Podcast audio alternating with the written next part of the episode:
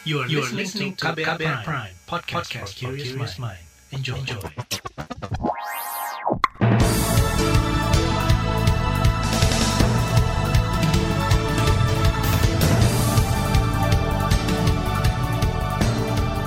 Selamat pagi saudara, senang sekali kami bisa menjumpai Anda kembali melalui program Buletin Pagi edisi Rabu 5 Mei 2021 bersama saya Naomi Niandra. Sejumlah informasi pilihan telah kami siapkan di antaranya uji formil Undang-Undang KPK ditolak, pemberantasan korupsi dinilai bakal mundur. Usai temuan mutasi virus corona, jalur masuk warga negara asing diperketat. Klaster tarawih puluhan orang di Banyumas di karantina. Dan inilah Buletin Pagi selengkapnya. Terbaru di Buletin Pagi. Mahkamah Konstitusi MK menolak permohonan uji formil Undang-Undang Nomor 19 2019 tentang KPK yang diajukan sejumlah pihak termasuk ex-pimpinan KPK. Putusan dibacakan dalam sidang kemarin yang sempat molor lebih dari tiga jam. Hakim MK menilai dalil pemohon bahwa pembahasan RUU KPK cacat prosedur dan tidak melibatkan partisipasi publik tidak terbukti. Namun di sisi lain, MK mengabulkan sebagian uji material yang diajukan akademisi dari Universitas Islam Indonesia. Berdasarkan Undang-Undang Dasar Negara Republik Indonesia tahun 1945, Undang-Undang Nomor 24 tahun 2003 tentang Mahkamah Konstitusi dan seterusnya dianggap dibacakan, amar putusan mengadili dalam pengujian formil menolak permohonan para pemohon untuk seluruhnya. Dalam pengujian material, satu, mengabulkan permohonan para pemohon untuk sebagian. Itu tadi Ketua MK Anwar Usman. Sejumlah poin uji material yang dikabulkan antara lain soal kedudukan KPK sebagai lembaga independen, soal izin penyadapan dan penghentian penyidikan. MK memutuskan bahwa KPK bisa melakukan penyadapan tanpa perlu izin tertulis dari Dewan Pengawas. Dewas hanya akan mendapat laporan dan bukan pemberi keputusan. Soal penghentian penyidikan, KPK berwenang melakukannya jika penyidikan dan penuntutan tidak selesai dalam jangka waktu paling lama dua tahun sejak terbitnya surat pemberitahuan dimulainya penyidikan SDPD. Dalam putusannya ada satu dari sembilan hakim MK yang menyatakan pendapat berbeda yakni Wahihudin Adams. Ia berpendapat semestinya MK mengabulkan permohonan uji formil dan membatalkan UU KPK. Ia menyoroti proses kilat pembahasan revisi UU KPK. Daftar inventarisasi masalah atau DM disiapkan Presiden hanya dalam waktu sehari. Mengingat begitu banyaknya jumlah pemohon dan permohonan serta kompleksitas persoalan dalam Undang-Undang Akuo. Oleh karena itu, pendapat berbeda, dissenting opinion saya dalam perkara Akuo berlaku pula secara mutatis mustandis terhadap putusan Mahkamah Konstitusi dalam registrasi perkara lainnya sepanjang terkait dengan perkara pengujian Undang-Undang Akuo terhadap Undang-Undang Dasar Negara Republik Indonesia tahun 1945 itu tadi Hakim Konstitusi Wahidudin Adams. Bekas pimpinan KPK Saud Situmorang menghormati putusan MK. Saud merupakan salah satu pemohon uji formil Undang-Undang KPK yang mengaku belum memikirkan langkah lanjutan usai gugatannya ditolak upaya lanjutnya uh, seperti apa uh, harapan kita ya kalau poin itu tidak dipenuhi hanya sedikit yang dipenuhi ya tentunya kan kita harus berdiskusi lagi melihat lagi uh, jalannya seperti apa uh, pemberantasan korupsi ini. Dan dengan catatan bahwa uh, kita harus sama-sama civil society masyarakat dan para penegak hukum lain Bekas pimpinan KPK Saud Situmorang meyakini Undang-Undang KPK hasil revisi melemahkan lembaga anti rasuah. Dampak perubahan itu bakal kentara meski MK mencabut ketentuan soal izin penyadapan. Sementara itu, kuasa hukum pemohon Asfi Nawati mengaku kecewa dengan putusan MK. Kata dia, putusan tersebut lebih banyak didasarkan pada opini semata. Ia berpandangan keberadaan UU KPK hasil revisi terbukti memperlemah lembaga anti rasuah. Nah mengenai yang uji material, ini sangat akan ada hal yang baik gitu ya dikabulkan. Uh, tapi sebetulnya kalau kita lihat pimpinan KPK saat ini adalah bagian dari pelemahan KPK dari dalam, maka tidak adanya pengawas ini juga bisa menjadi uh, masalah. Uh, apalagi kalau kita dengar bahwa penyidik-penyidik uh, tertentu mau, saya kan kita tidak tahu itu kebenarannya. Kalau itu benar gitu ada 75 penyidik tidak lulus tes dan mau diberhentikan, ya ini adalah skenario yang saling melengkapi yang membawa kehancuran KPK. Pendapat senada juga dilontarkan Guru Besar Fakultas Hukum UGM Sigit Rianto. Menurutnya ditolaknya permohonan uji formil akan menurunkan semangat pemberantasan korupsi. Upaya lewat jalur MK merupakan jalan terakhir untuk mengembalikan marwah KPK. Karena upaya itu gagal, ia kini berharap pada Presiden Joko Widodo agar menghentikan pelemahan di tubuh KPK. Temuan mutasi baru virus corona, jalur masuk warga asing diperketat. Informasinya akan hadir usai jeda. Tetaplah di Buletin Pagi KBR. You're listening to KBR Pride, podcast for curious mind. Enjoy!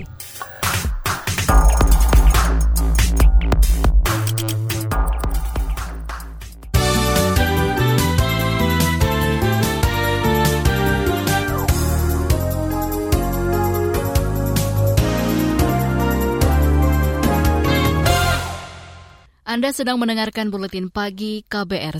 Pemerintah memperketat jalur masuk warga negara asing atau WNA usai ditemukannya mutasi baru virus corona di Indonesia. Dua varian baru yang sudah masuk ke Indonesia adalah mutasi dari India dan Afrika Selatan.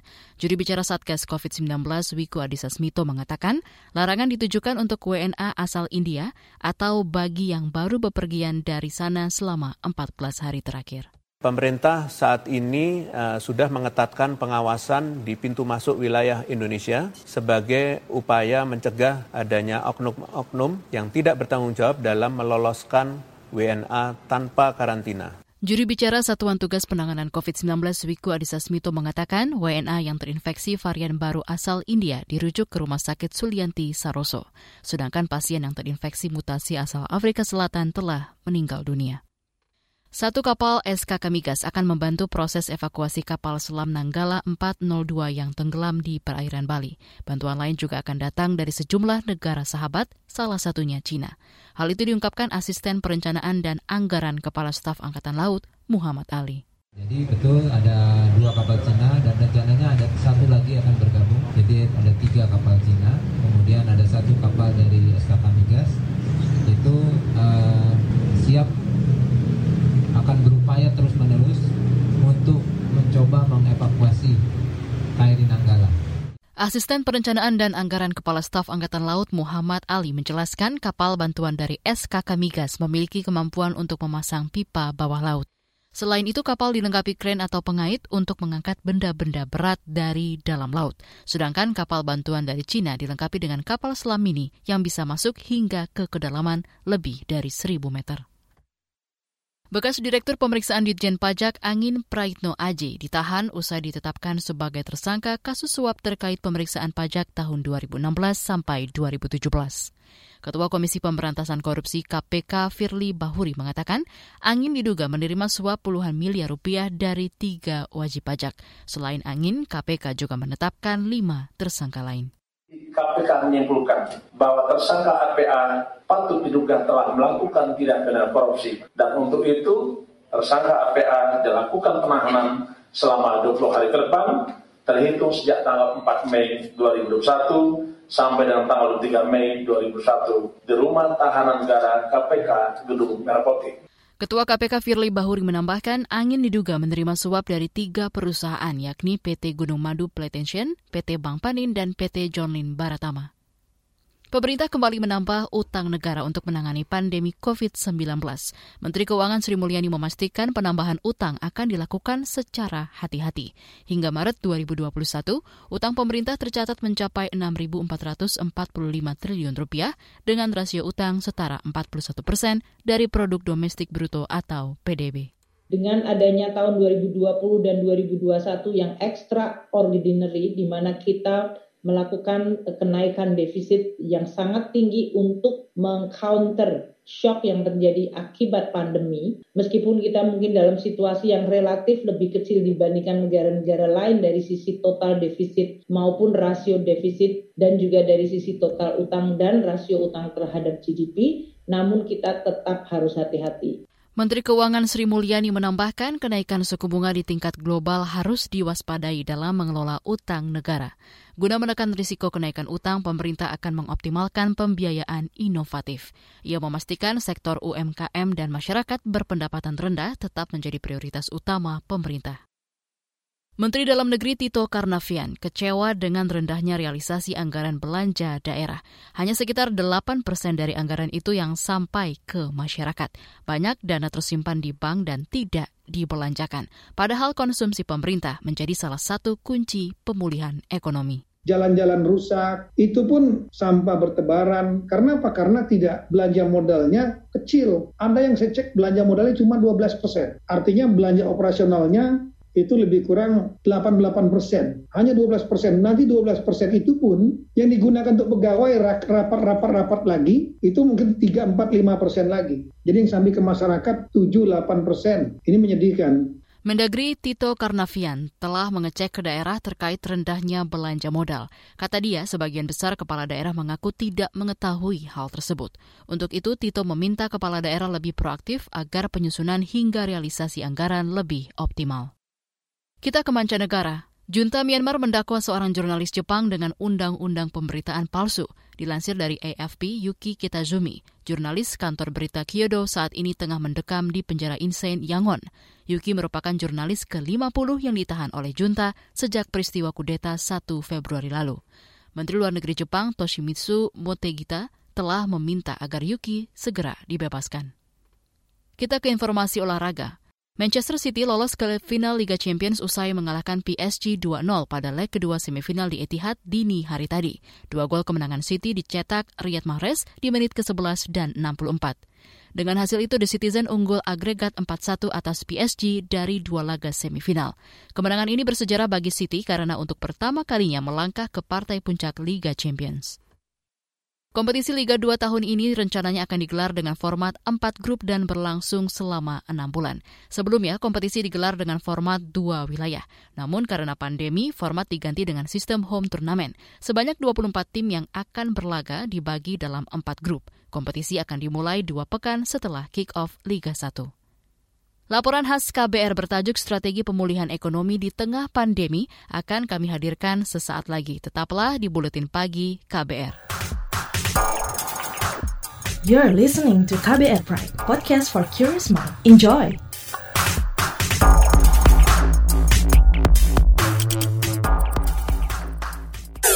Commercial break. Ya, ada lagu ini pula buat rindu kampung ini. Ah, nelfon mama ah. Apa kabar dia nih ya? Eh, Tigor, lagi di mana kau? Di kosan, Mak.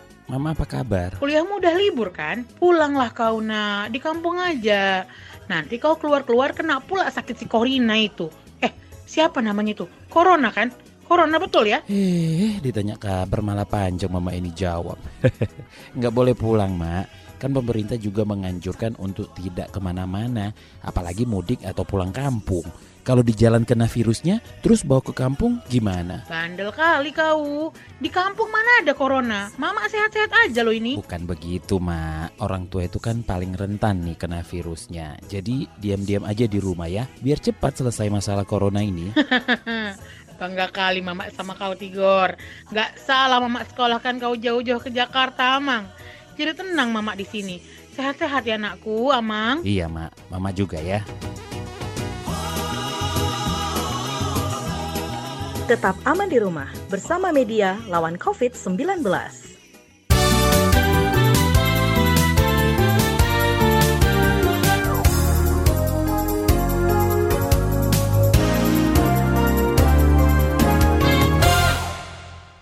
Memasuki tahun kedua, Indonesia harus berjibaku melawan pandemi COVID-19. Selain masalah kesehatan, ekonomi adalah salah satu sektor yang paling terdampak adanya pandemi.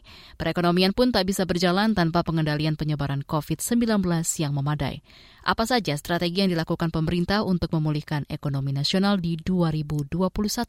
Berikut laporan yang disusun jurnalis KBR Astri Yuwanasari, dibacakan Reski Mesanto. Menteri Perencanaan Pembangunan Nasional Kepala Bapenas Suarso Monoarfa optimis ekonomi Indonesia bakal pulih dan tumbuh positif pada kuartal kedua 2021. Ia menyebut bercermin pada pemulihan ekonomi Cina yang sudah terjadi sejak kuartal 2 tahun 2020 dan bahkan rebound pada kuartal pertama tahun 2021 dengan tumbuh sebesar 18,3 persen.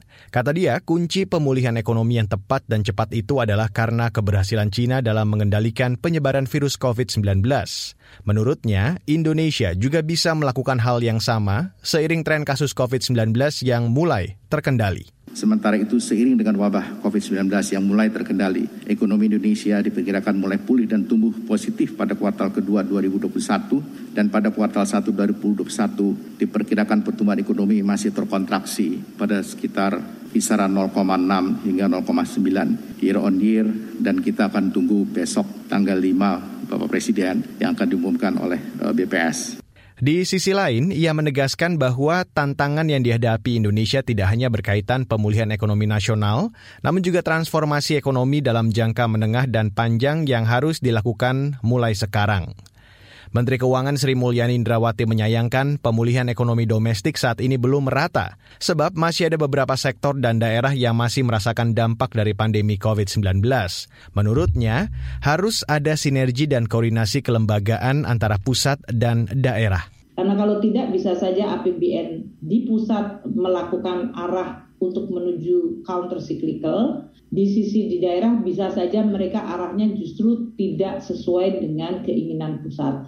Ini akan menimbulkan kompleksitas karena APBD di daerah dan transfer ke daerah itu sepertiga dari APBN kita, ditambah dengan APBD jumlahnya cukup mempengaruhi perekonomian Indonesia.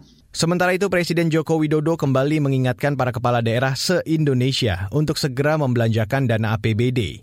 Kata dia, masih ada dana APBD sebesar 182 triliun rupiah yang mengendap di bank daerah. Ia menyebut pondasi paling awal pemulihan ekonomi adalah pengendalian COVID-19. Menurutnya, pemerintah harus mempercepat belanja pemerintah dan mendorong belanja masyarakat terutama berbagai bentuk bantuan sosial, padat karya, serta mendorong belanja masyarakat. Demand side harus diperbesar, sisi permintaan harus diperbesar. Kemarin saya sudah mengingatkan, akhir Maret 2021 di perbankan masih ada uang APBD Provinsi, Kabupaten, dan Kota 182 triliun yang seharusnya itu segera dibelanjakan untuk memperbesar permintaan sisi konsumsi. Jokowi meminta pemerintah daerah harus bersama-sama pemerintah pusat untuk meningkatkan belanja modal agar ekonomi dapat bergerak. Ia pun telah menginstruksikan Menteri Dalam Negeri, Tito Karnavian, untuk mengingatkan seluruh kepala daerah agar secepatnya membelanjakan APBD. Hal ini bertujuan agar konsumsi masyarakat daerah bisa tumbuh lebih cepat. Optimisme pemulihan ekonomi Indonesia pada 2021 juga diyakini oleh pakar ekonomi Peter Abdullah. Ia mengatakan perekonomian Indonesia mulai bergerak membaik meski belum bisa dikatakan pulih sepenuhnya. Banyak sekali upaya-upaya yang dilakukan oleh pemerintah dan otoritas yang dalam upayanya mendorong konsumsi sampai dengan Maret itu dan saya kira berlanjut ke April itu penjualan mobil itu sudah sangat meningkat drastis. Demikian juga saya kira penjualan kredit KPR itu juga meningkat.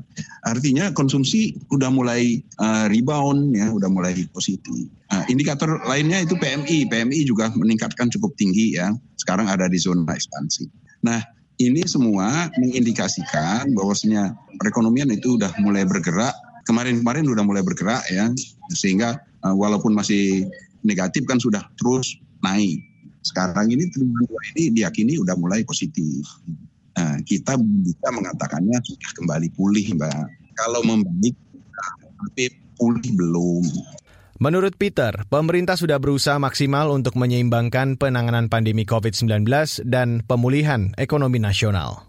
Kalau saya sih melihatnya pemerintah sudah berusaha untuk balancing. Ya. Di satu sisi pemerintah berusaha sudah sangat berusaha keras untuk mengendalikan pandemi, terutama dengan mempercepat pelaksanakan vaksinasi. Yang kedua, terus mendorong masyarakat untuk melaksanakan protokol kesehatan itu sudah maksimal dilakukan oleh pemerintah. Di sisi lain, dunia usaha itu bisa memiliki ruang gerak, ruang napas agar supaya mereka tetap bertahan di tengah pandemi. Saya kira ini adalah apa ya kompromi-kompromi yang uh, maksimal yang bisa dilakukan oleh pemerintah. Saudara demikian laporan yang disusun Astri Yuwanasari, saya Reski Mesanto. You're listening to KBR Pride, podcast for curious mind. Enjoy!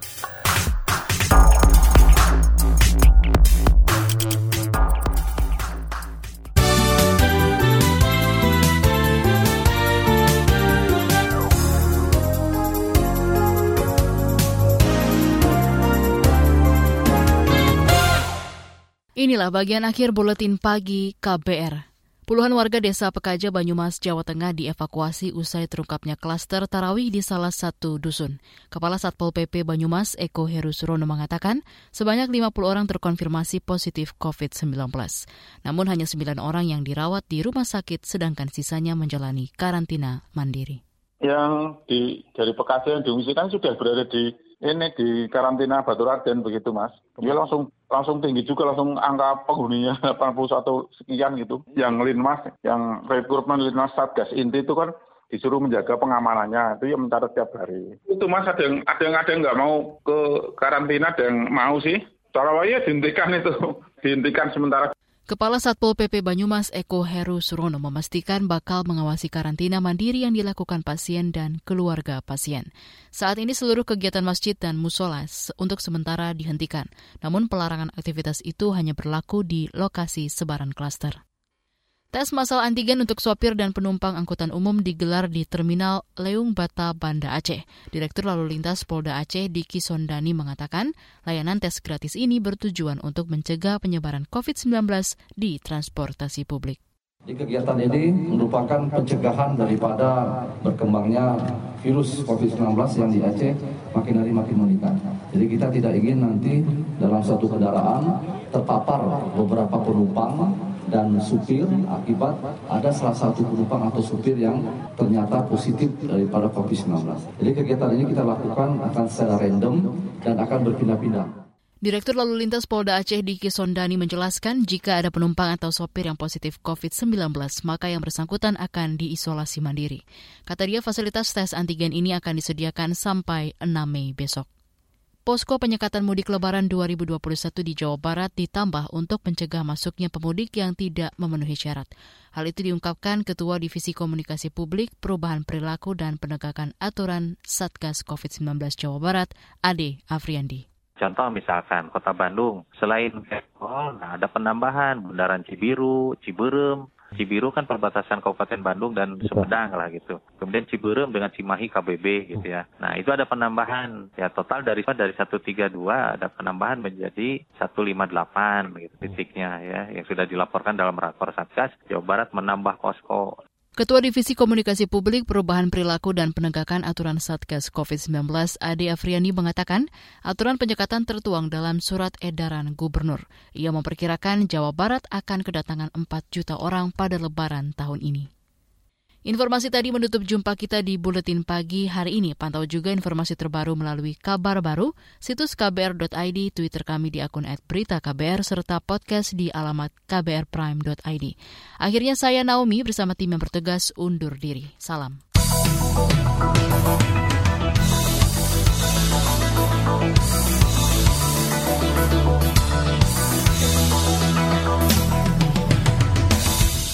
KBR Prime, cara asik mendengar berita. KBR Prime, podcast for curious mind.